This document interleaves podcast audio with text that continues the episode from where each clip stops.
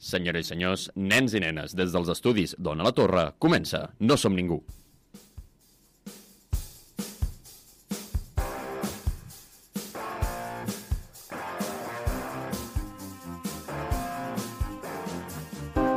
I avui parlarem sobre com fer un programa sense fer un programa, és a dir, tirar-vos les crítiques dels Oscars que van fer a YouTube. I durant aquest batibull de demagogia i desordre, m'acompanyen en viu i en directe l'expert en vestuari de gala, Paula Espelt. Bones.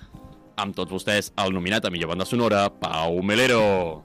eh, petons de gala i el nostre don Òscar personal, Adrià Jurado! Uh! Benvinguts al segon episodi especial de les remissions de No som ningú, el teu programa de cinema de confiança. Agraï com sempre una a la torre per l'espai i avui a la Paula per muntar aquest programa. Dit això, recordeu que fem spoilers i que no ens fem càrrec de danys i perjudicis. A més, cal remarcar que les opinions són personals de cadascú i que, bueno, procedim ja a que no hi ha ni resum ni res, procedim a veure la primera crítica. No som ningú, el teu programa de cinema de confiança. Produït, realitzat i locutat per la generació més preparada de la història. I començarem escoltant a l'Adrià, que ens explicarà la seva opinió sobre la pel·lícula Sense novetat a l'Oest, una pel·lícula alemana dirigida per Edvard Berger, no, Edvard Bergas, eh, tot i que hi ha bastants vergassos a la pel·lícula perquè és bèl·lica, a veure què ens explica l'Adrià sobre això. Té nou nominacions als Oscars, ha guanyat set BAFTA, que una mica és BAFTA de fer pel·lícules de guerra, si us plau, la vida és meravellosa. Eh, 14 nominacions tenia els BAFTA, així que va guanyar la meitat, no està malament. Està nominada a Globus d'Or, crec que també millor pel·lícula, i doncs si la volguéssiu veure està a Netflix, el que passa és que arribeu una mica tard, així que a veure què ens explica l'Adrià sobre aquesta pel·lícula. Uh, de Res de nou a l'Oest, de la pel·lícula dirigida per Edward Berger, Eduard Oveller, i nominada ni més ni menys que a millor guió adaptat, millor banda sonora i millor so, a millor disseny de maquillatge i perruqueria, disseny de producció, efectes visuals i fotografia, millor pel·lícula i millor pel·lícula internacional. I per què és important aquests dos? Perquè normalment només nominen a un d'aquests dos, no als dos. És una cosa que només havia passat amb Paràsits o Roma. És perquè Hollywood està més moderna últimament? Bueno, és perquè ho fan veure, perquè al final està nominant a una pel·lícula alemanya, que tampoc és que et diguis, uah, el superprivilegi, vale? saps què vull dir, no? Sempre els amics de, de Hollywood, bé, la resta... Bueno, seguim? Vale, molt bé, sense més dilació, passem a la primera secció. Doncs bé, el resum del film d'avui. Mm, rapidet, mascadet, ràpid. Eh, una colla d'amics estan allà a l'institut i decideixen unir-se a l'exèrcit. Per què? Bueno, perquè no són massa espavilats, la veritat.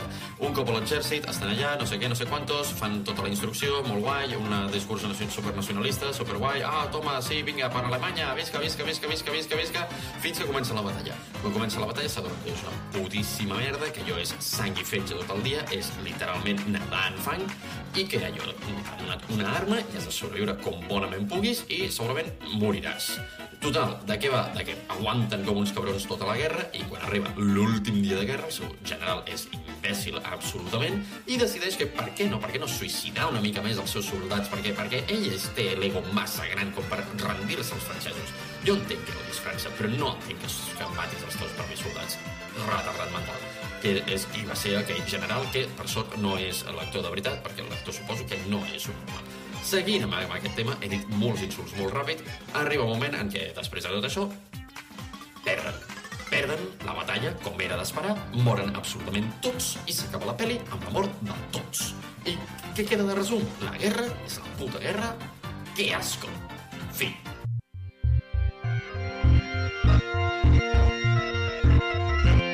La és, és dura, és difícil, és mm, molt, molt xunga i comprensible. Comprensible, perquè la pel·li o sigui, el que et ve a dir és, joder, la puta guerra. O sigui, pel·li que va molt bé per entendre eh, el que està passant, per exemple, el que no pot passar avui dia, que és que hi hagi més guerra a Europa o al món. En resum, sobretot amb el tema d'Ucraïna. No pot passar això. O sigui, si escolteu algun discurs, algun som normal, perquè aquest sí, sí que amb, amb faltada directa d'algun dirigent de la Unió Europea, algun senyor Borrell, alguna persona així, que diu és que s'haurien d'enviar soldats a Ucraïna, no li feu cas. Perquè sap qui anirà? Tu, desgraciat que m'estàs mirant, tu aniràs. I jo també, segurament, i no vull anar-hi. Sí com sigui, retornem al tema, perquè ve a ser una miqueta això, és no aneu a la guerra, no sigueu tontos com el que ha sortit als personatges d'aquí, que per cert fan una actuació bestial, brutal, són actors bastant novells, són actors alemanys, perquè, si no ho he comentat ja, la pel·lícula és alemanya, que fan una actuació bestial, o sigui, de veritat, per ser actors novells, he flipat amb aquesta gent, o sigui, es mengen clarament. Si no fos per ells, aquesta pel·li no valdria res, perquè si fos per guió, uf, que sí, que està basada en un llibre, que ja ho sé, està basada en un llibre i sempre les adaptacions dels llibres són complicades perquè els llibres són molt llargs, hi ha moltes històries, hi ha moltes coses, les vols explicar totes i no pots explicar-ho tot. bueno, doncs aquest era un d'aquests casos que no pots explicar-ho tot i que potser reduint la pel·li a una hora menys també funcionava el missatge i la gent se l'hagués tragat més ràpidament, més calmada i no hagués patit tant com jo he patit per veure-la. Perquè sí, siguem sincers, la pel·li costa de veure. És maca, sí. Flipes amb les actuacions, sí bueno, és maca. És maca visualment, perquè això en parlarem ara. E, és dura. T'ensenya moltes coses. Veus coses sobre el bàndol alemany que normalment no veus perquè sempre es parla dels vencedors, en aquest cas els anglesos i els francesos que van guanyar la Primera Guerra Mundial. Però, coi, feia falta tanta de rato. Allà, venga. I ara què? Quan es morirà? Ah, de veritat, no m'atrapava... O sigui, la trama era la guerra. No, no, no hi havia una trama de, de, de... Era senzillament, estic sobrevivint a la puta guerra, i ara hi haurà un altre atac, i ara farem una altra cosa, i ara ens dispararan, i ara... Bueno, doncs mira, jo ara m'aniré a caçar una, un, un, un plat, una cosa, li aniré a robar algun francès, el, un, un ànec, alguna coseta, per sopar. Bueno, doncs sí, doncs està divertit perquè veus les realitats, veus molta realitat, molt, molt, molt el que, el que és, o el que seria, o el que s'entén que és una guerra, perquè no hi he estat, no puc parlar en primera persona, i no vull estar-hi, si no ho he deixat clar ja. I està molt bé per això, però joder, nen, joder... Però bueno, independentment d'això, visualment és una passada, una passada, però, però de cap a peus, o sigui, és meravellosa aquesta pel·lícula. Sigui, flipes amb cada fotograma, flip, les, les decisions artístiques, les decisions de producció... És que normal que estigui nominada, normal, perquè hi ha un treball aquí darrere que és una barbaritat perquè és una barbaritat, i segurament guanyaran Oscars d'aquests, de, de, de, dels que estan nominats, de disseny de producció, efectes visuals, segurament guanyin Oscars d'aquests, perquè és una brutalitat. I dit això, resumidament, és això la pel·lícula. La pel·lícula és bestialment... Vis, visualment és una bèstia, és una passada visualment, les actuacions et deixen bocabadat en tot moment, el, el, el sentiment d'aquests personatges que com pateixen, però se'n fa llarg, se'n fa llarg i avorrit. I aquest i fins aquí la crítica de Sense novetat a l'Oest. Ara passem a la següent pel·lícula. Es tracta d'Ànimes en pena d'Inisherin, de la que ens parlarà el Pau. És una pel·lícula del Regne Unit, dirigida per Martin McDonagh, eh, dirigi, director també de Tres anuncis a les afores té nou nominacions als Premis Oscars, incloses millor pel·lícula, millor direcció i millor guió original. Dels BAFTA se'n van portar 4 de les 10 nominacions que tenia i dels 8 Globus d'Or se'n van portar 3. A més, també hem de mm, recalcar que, es, que va guanyar um, el Festival de Venècia el millor actor Corin Farrell i el millor guió. Banshees Vinissery, Vinissery, Vinissery en la traducció en castellà, no sé quina l'ha fet, però crec que és Almas en pena o no sé. Aquesta pel·lícula, resum, resumíssim, titular, desesperançadora, però molt guai. M'explico. Eh, jo coneixia el director per eh, Tres anuncis en les afueres, on a mi em va fer riure en coses que no està políticament correcte riure. I només per això el director ja em va flipar. La veritat, eh, en aquella pel·lícula aconseguia juntar trama, comèdia, eh, suspens, i en aquest cas fa exactament el mateix. Amb aquesta pel·lícula he rigut he plorat, t'emociones, i al final aconseguis que d'una trama tan senzilla com un amic que es causa de l'altre perquè, perquè és avorrit, perquè vol fer tantes coses a la vida, et fa empatitzar moltíssim amb el personatge de Corin Farrell i notar com tota la seva vida es desmunta per aquesta raó. Eh, jo pensava que anaven a tirar que el problema era la guerra civil irlandesa, la gran frase era no era més fàcil quan mataven britànics, bastant interessant, jo pensava que anava a tirar directament d'això, de vendre com dos amics se separen per la guerra civil. Però no, el director no tira això. El director tira una cosa molt més profunda, el fet de dir doncs mira, aquest és viu a una illa totalment apartada, la seva vida és treballo una mica pel matí i per la tarda me'n vaig al bar. I si a mi treus a la mica qui vaig al bar, se'm desmunta una mica de la meva vida. He de dir que els actors i els actrius estan superbé. Colin Farrell està increïble, l'actor que fa el segon ric també està superbé. He de comentar també que Barry Cogan està rebentant últimament a Hollywood. Jo el vaig conèixer per Dunkerque i després per Eternals i després també ara que va fer el nou Joker de, de, de Batman.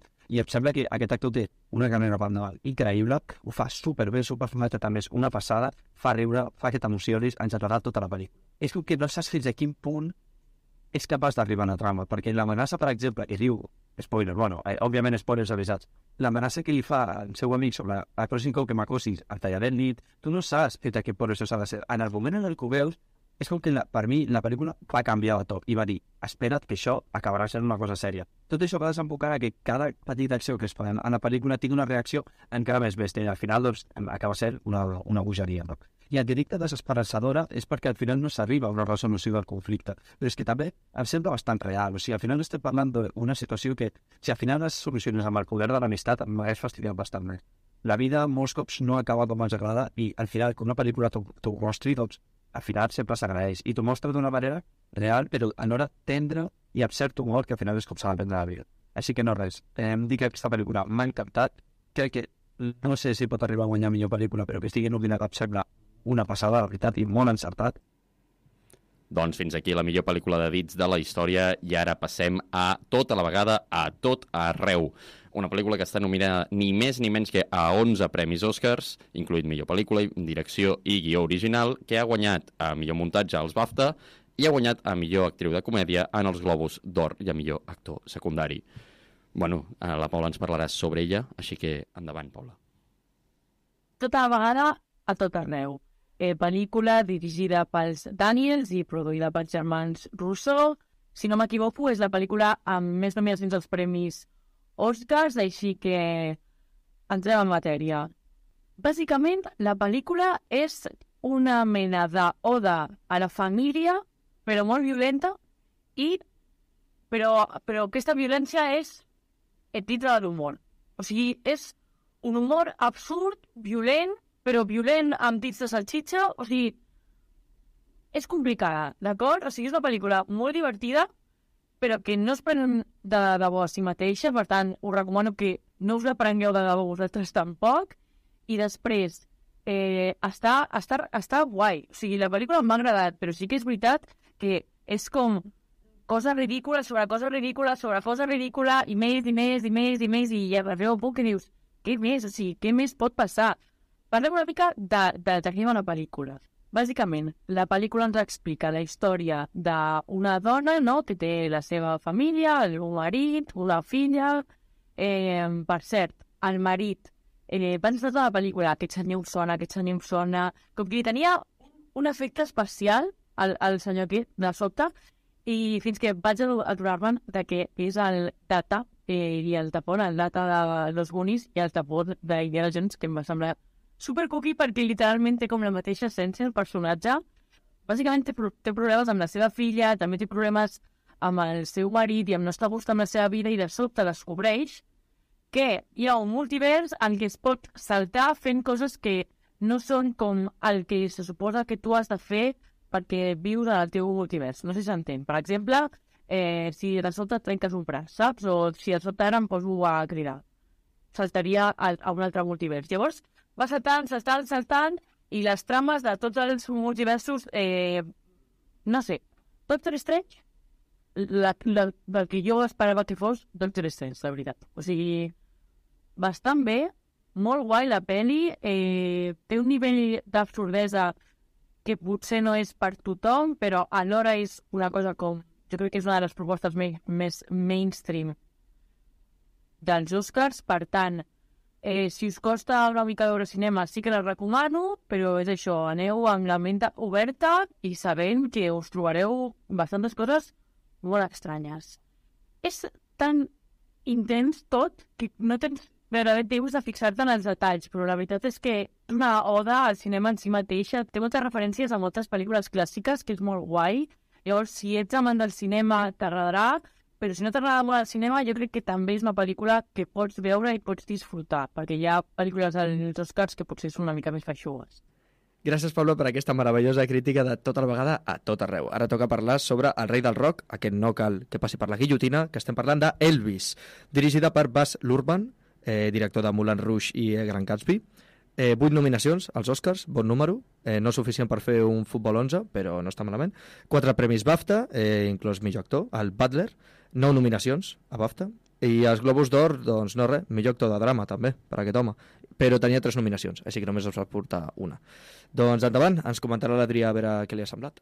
Elvis, la pel·lícula dirigida per Baz Luhrmann, Baz Luhrmann, nom complicat, aquell del director, eh? I comentem, res, té nominada només, només, a 8 nominacions als Oscars com millor pel·lícula, millor actor protagonista per Austin Butler, millor disseny de producció, millor muntatge, millor fotografia per una dona, important remarcar-ho perquè normalment les dones no estan nominades mai a millor direcció de fotografia i és la tercera vegada que passa a la història i sempre cal recordar això. I després també passem a millor disseny de vestuari, millor maquillatge i perruqueria i, com no, millor so. I fins aquí la presentació i sense més dilació arriba la nostra primera secció, que és el resum del film.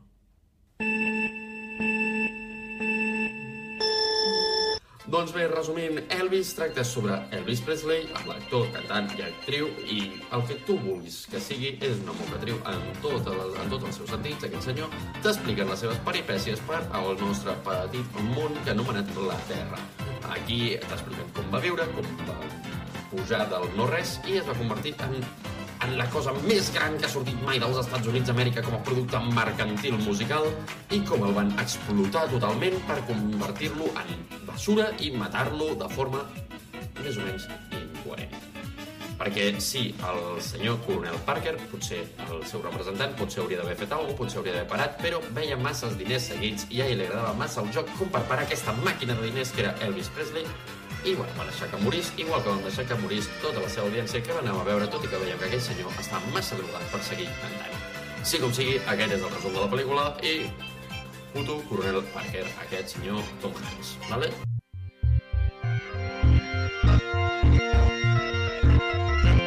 Bueno, i resumint, resumint, resumint. Austin Butler. Increïble. Increïble. Increïble. O sigui, mare de Déu senyor, s'ha menjat a Elvis Presley, literalment se l'ha menjat, se l'ha cruspit, n'ha pres absolutament tot sobre ell per fer aquesta actuació. És el millor, l'estimo.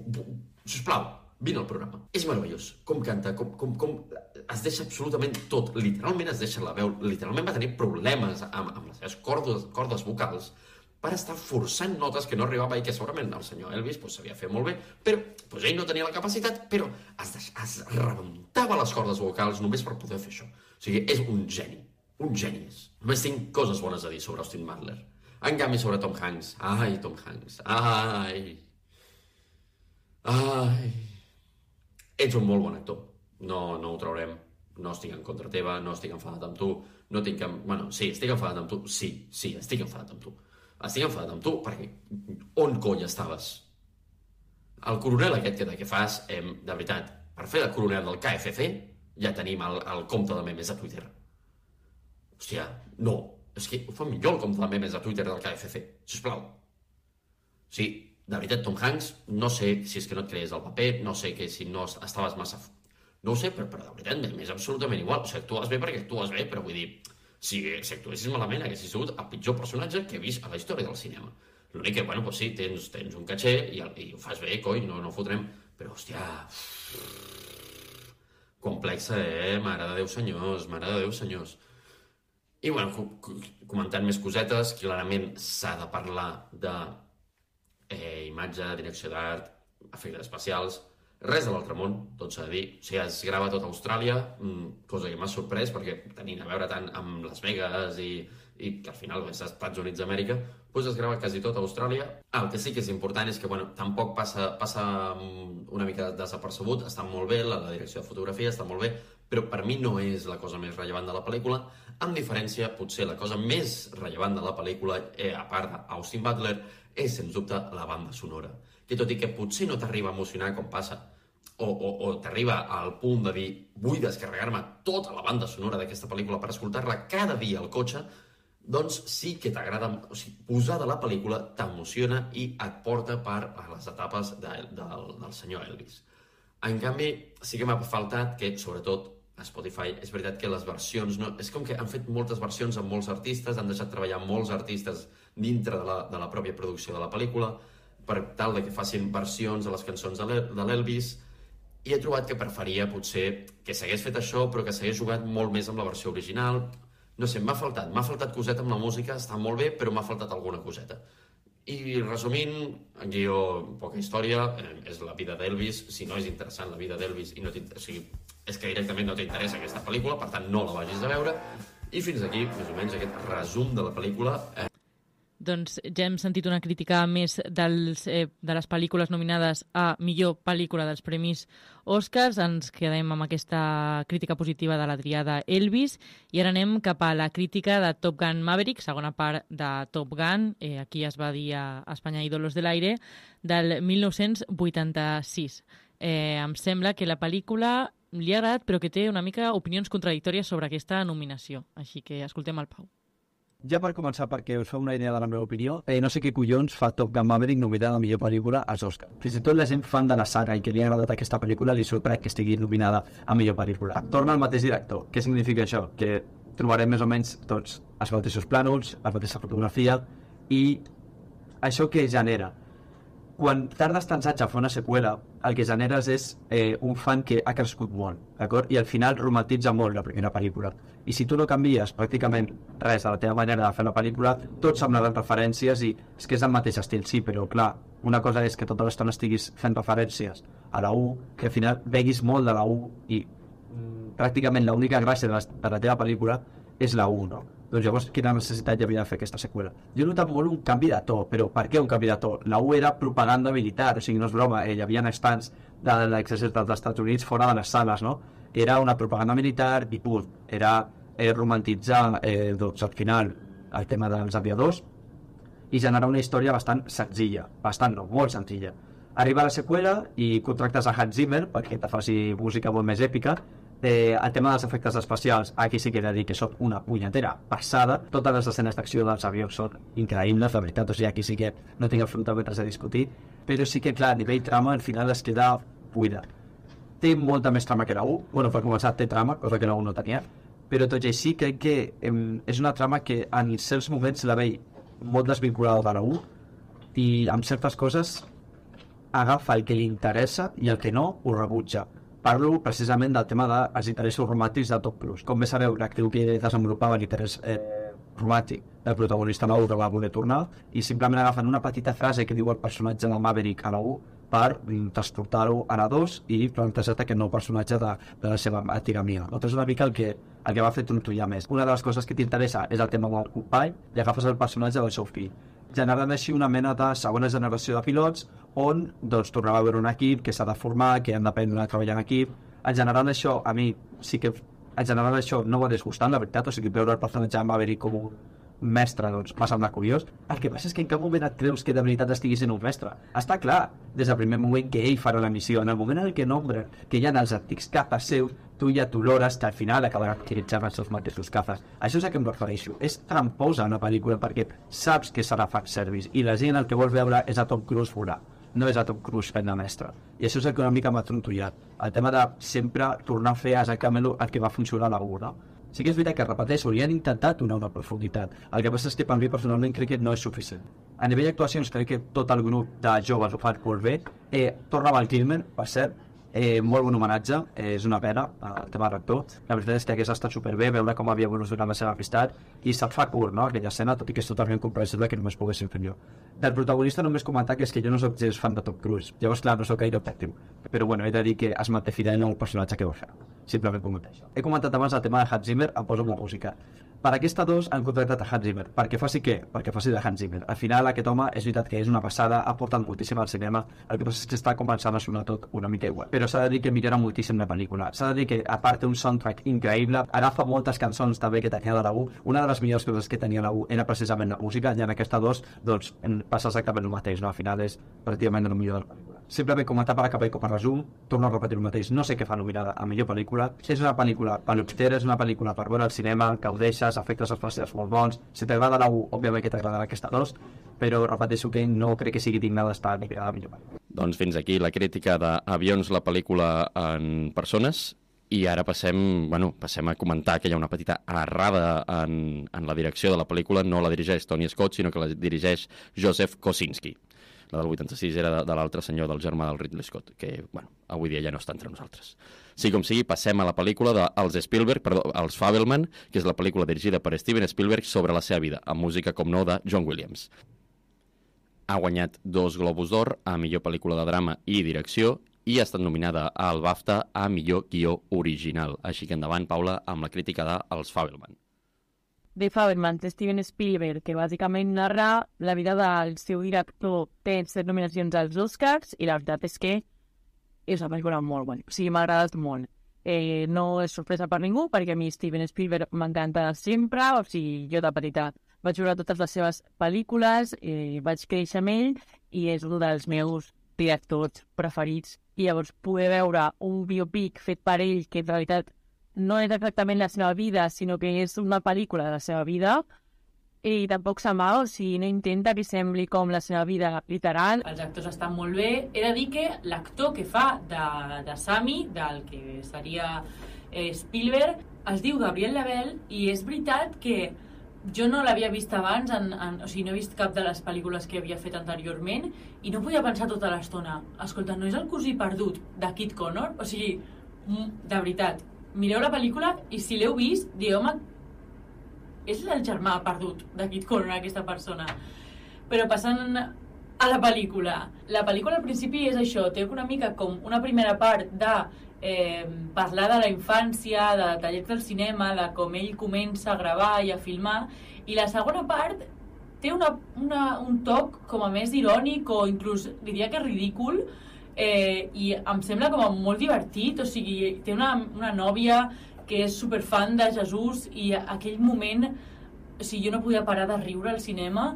Després eh, hi ha un altre moment que hi ha una baralla, que és com que de sobte allò és gris, i està en un institut, i hi ha bullies, i li fan bullying, i, i és, o sigui, és molt divertit, un moment molt estrany, en el que ell li fa una mena d'oda amb la seva pel·lícula a, al que és el matón de la classe, i de sobte, com, com que sembla que, que, que l'admiri, però té una, una part com a sexual rara, i després ells tenen com una discussió no sé, o sigui, si s'ha de ser heterosexual per entendre eh, aquella escena, que algú me l'expliqui, perquè hi havia una tensió molt estranya, però era gent com a...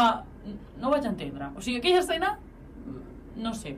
La fotografia està bastant cuidada, és, és molt guai com eh, a través de la fotografia hi ha aquestes referències a ET, per exemple, que, que és com super cookie de veure, és una pel·lícula divertida, entretinguda. Uh, jo vaig anar amb un amic i ens ho vam passar superbé veient la pel·lícula.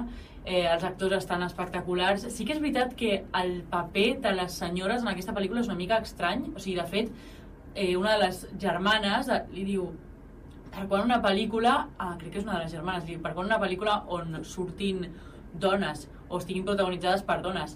I la veritat és que fins i tot les dones de la família, perquè ell té una mare i dues germanes, eh, són una mica, personatges una mica estranys.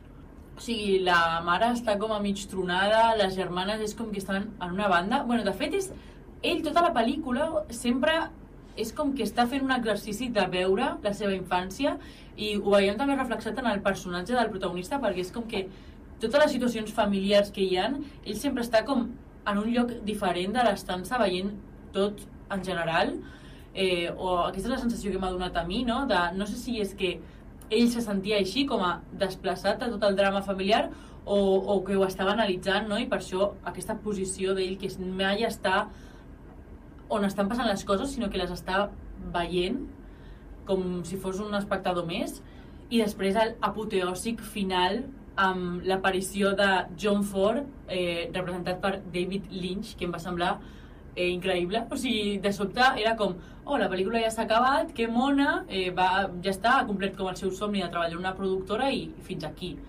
I de sobte apareix David Lynch fent de John Ford en una escena eh, que, que, o sigui, em va semblar com el final perfecte, no?, de aquí comença tot el que heu vist.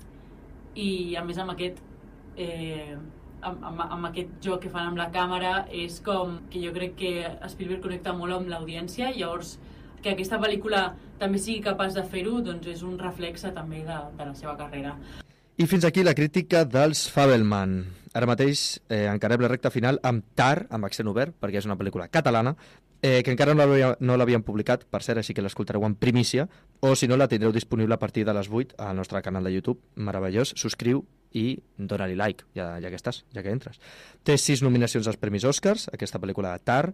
Al Festival de Venècia va guanyar Kate Blanchett a millor actriu, així que felicitats, Kate Blanchett, des d'aquí et donem dos petons super respetuosos. I Premis BAFTA, doncs també millor actriu, Kate Blanchett. Eh, estaràs una miqueta farta, tot i que tenia cinc nominacions, eh? que sapigueu. Així que no res, eh, encarem a veure què ens comenta l'Adrià, comentat de Tar. Tar, una pel·lícula protagonitzada per Kate Blanchett i que el propi director ha assegurat que només la va escriure especialment pensant en ella.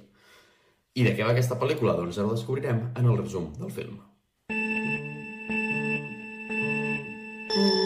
I bueno, doncs la pel·lícula va sobre una senyora que és Kate Blanchett en fent el paper de la senyora Lydia Tarr, que és una directora d'orquestra que, bueno, doncs, se li dona molt bé, és la millor del món segurament, i li ofereixen el millor lloc on treballar i se'n va a treballar allà, que és a l'orquestra de Berlín. És el millor, la veritat és que no tinc ni punyetera idea perquè no en sé de sonora, no sé d'allò de música i clàssica i actual. Sí com sí. Aquesta senyora, una estudiosa, una senyora clàssica en tots els sentits, es veu involucrada en, una, en uns temes, en un suïcidi d'una mm, alumna que va tenir a una escola que, bueno, el tem una mica un tema tèrbol, un tema bastant difícil de, de, de tractar, perquè aquesta senyora creu que s'aprofitava de les seves alumnes, per, tant per interès sexual com per interessos eh, d'altres coses. Sí com sigui, que per elles no aguantar la pressió i va decidir re- retirar la seva vida del joc, que és aquesta nostra existència. Sí com sigui, en aquesta cosa doncs, funen, la converteixen en absolutament ningú i s'acaba la pel·li amb què passa de ser a, estar en el pic de la seva vida a estar en el més baix i absolut que pot estar ella que havia sigut el millor en el món clàssic. Doncs fins aquí, tar la història de la fonada, que podríem dir. Fi.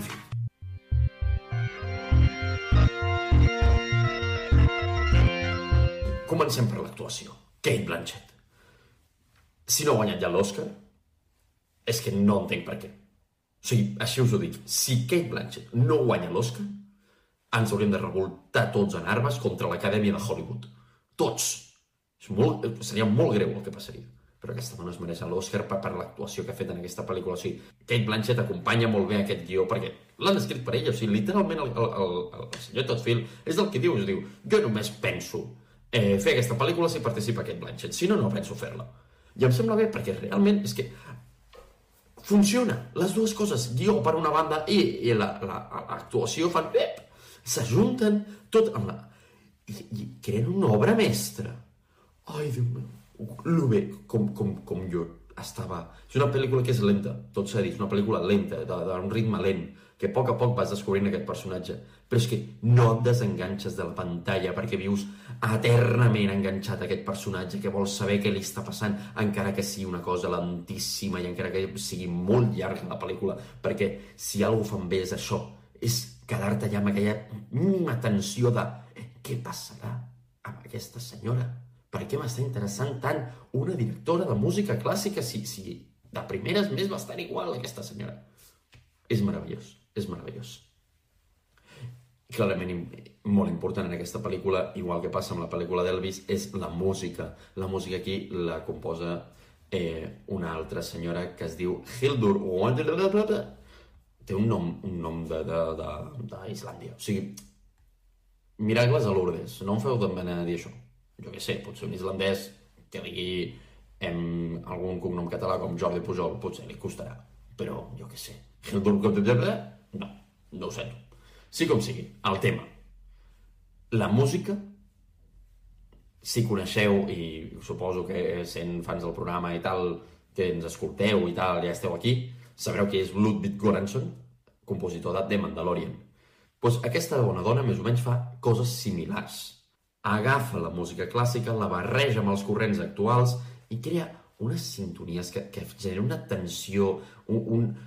Ai, quina meravella! O sigui, clar, i entre tot van generant una, una obra mestra. És que, clar, jo només puc parlar amb meravelles d'aquesta pel·lícula. O sigui, Amb, amb què m'he d'enfadar? Amb la imatge? Doncs no, no, però, però puc trobar-li un apuntet. La imatge, podem dir que no és la cosa, està molt bé, està molt ben treballada, però podem dir que és aquesta imatge que està posant de moda uh, últimament, imatge de fotografia molt ben aconseguida. Podríem dir que és una mica estil, no estil Netflix, però veu d'aquest estil que Netflix ha obligat a tothom a deixar de descuidar la imatge i cuidar-la molt per molt que no sigui important. Vull fer una pel·li de Marvel? Cuida molt la imatge. Està passant? No, però això és un altre tema. Però vull dir, una pel·li de Star Wars, superimportant la fotografia. Vale, en un, de primeres no hauria de ser superimportant. Sí, sí, sempre és superimportant la fotografia, però de primeres potser passaria com a Marvel, doncs que la fotografia està cuidada, però no és el que prioritzen. Però, en canvi, últimament hi ha un corrent de, potser una pel·li que no faria falta prioritzar la fotografia, es prioritza molt per tenir una fotografia molt maca. Podríem dir que és l'efecte Paràsitos. A Paràsitos es cuida molt els detalls, molt... Pues aquí passa més o menys el mateix. Es cuida molt la fotografia, tot i no ser un requisit imprescindible, perquè funcionaria igual.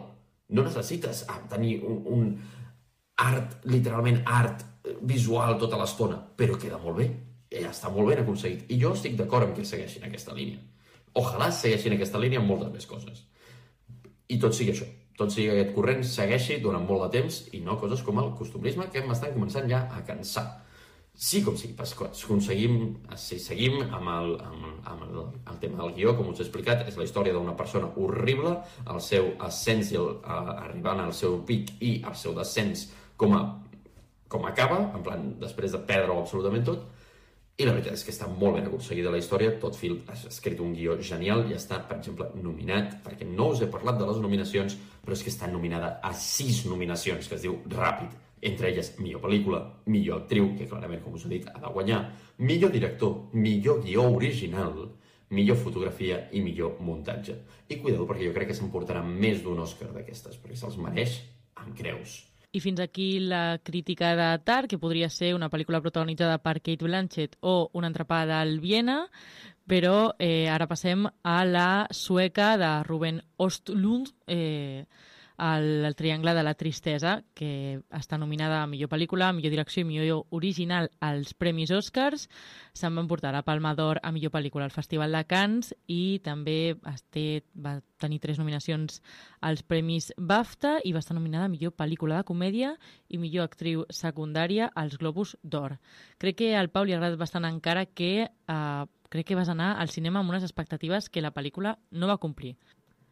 Encara que ara descobrirem si aquestes expectatives no complides són una cosa positiva o negativa. The Triangle of Sadness, o el Triangle de la Tristesa. D'acord, aquesta pel·lícula m'ha sorprès moltíssim.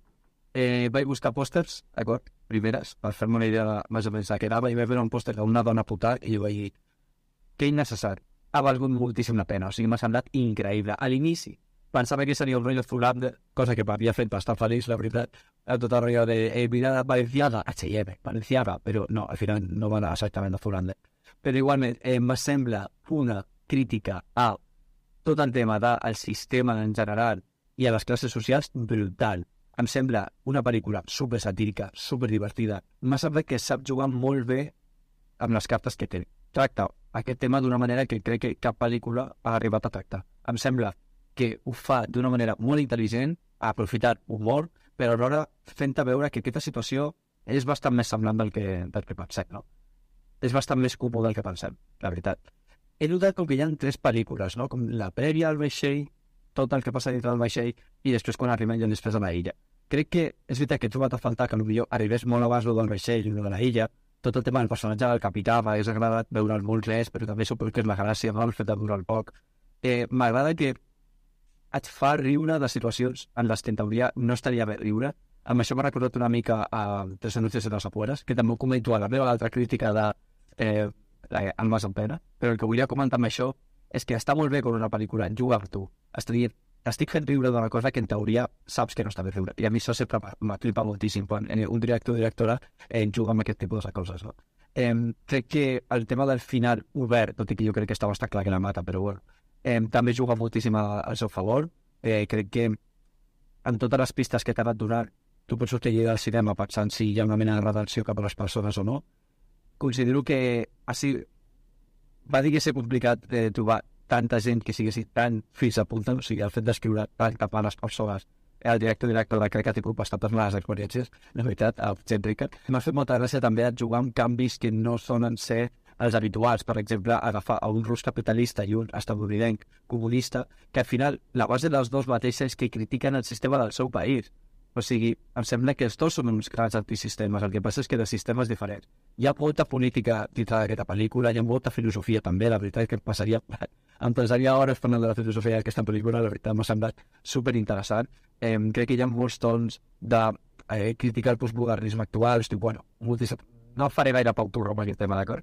Eh, a destacar el tema de les actuacions. He comentat eh, el personatge del capità, però en general crec que tots els actors i actrius estan sublims, més temes, el tema de la fotografia, plànols, la és que m'ha semblat relativament correctes. Ma petit punt, no negatiu, però el tema de la música crec que molts cops ha anat a lo fàcil. O sigui, ha tirat a la música clàssica per representar la burgesia i després eh, precisament aprofita aquesta música per burlar-se d'aquella situació. Aquí ja la veritat és que tiren d'una situació bastant senzilla, però igualment crec que funciona bastant. Doncs fins aquí la crítica del Triangle de la Tristesa, una pel·lícula que està en format de moble de l'IKEA, perquè com es nota que està tota desmuntada.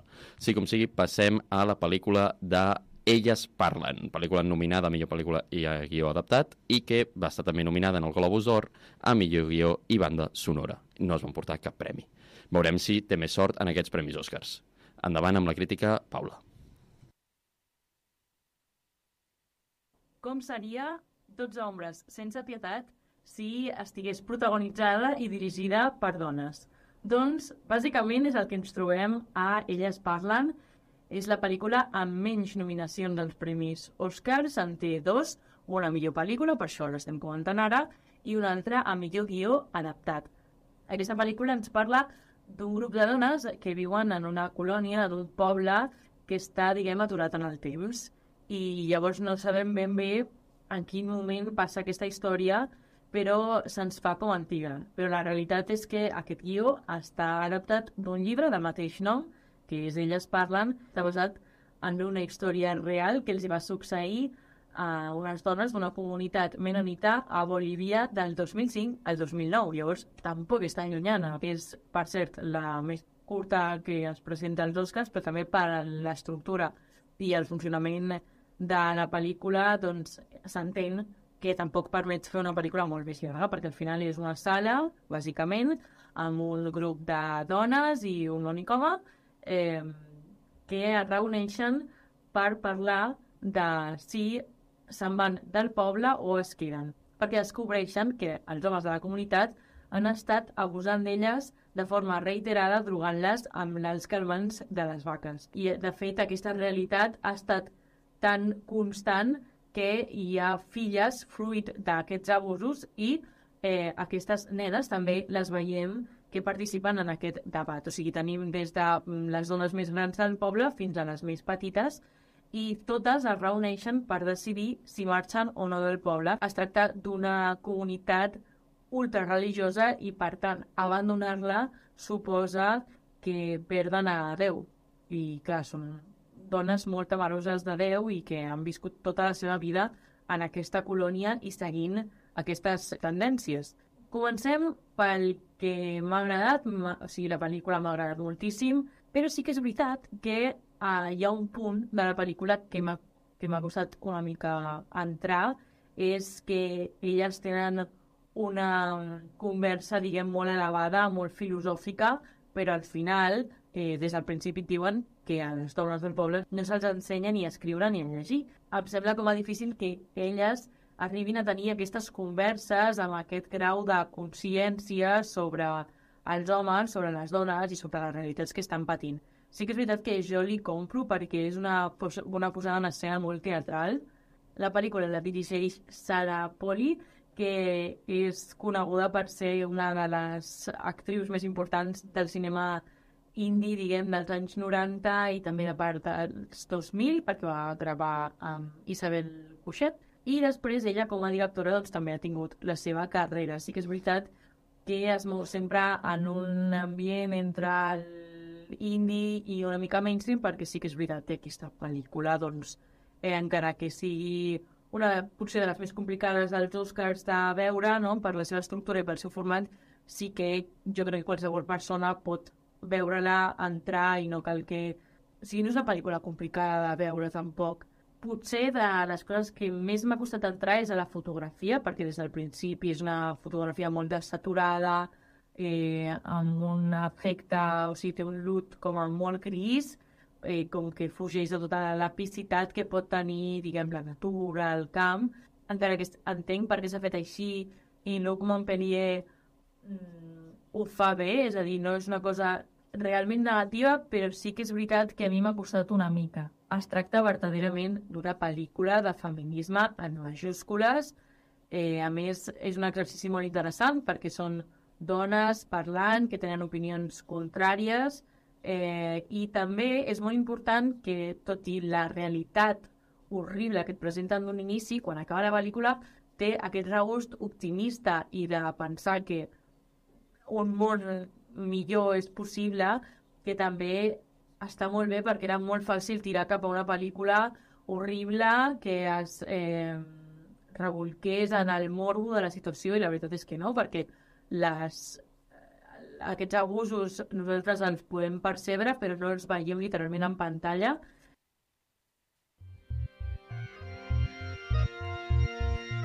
No som ningú. Patrimoni de la Humanitat Arantena. El programa sobre el setè art que no sabies que necessitaves. Moltes gràcies per escoltar l'episodi especial de crítiques dels Oscars de No Som Ningú. Ens veiem la nit de diumenge a dilluns, és a dir, demà, a partir de la una de la matinada, on comentarem la gala dels Premis Oscars a la sintonia Dona la Torre. Si heu trobat a falta Avatar, és normal, primer perquè ja teniu un programa parlant d'ella, i segon perquè no hauria d'estar nominada. Recordeu que ens podeu seguir a les xarxes socials, arroba no som ningú, barra baixa oficial, i bueno, ja trobareu on, on sigui això. I la setmana que ve comentarem El nen del pijama de ratlles, amb la Mònica Socies, presentadora del programa de literatura de la xarxa El Calaix. Doncs fins aquí. Es... Espero que us vagi bé fins la setmana que ve, o fins demà, com vulgueu. Eh, sí, sí, fins eh, diumenge. Feu, feu una bona migdiada, que per la nit es veiem quatre horetes o por ahí, no? Exacte. Bona nit, visca el cinema en català i visca Cararunya.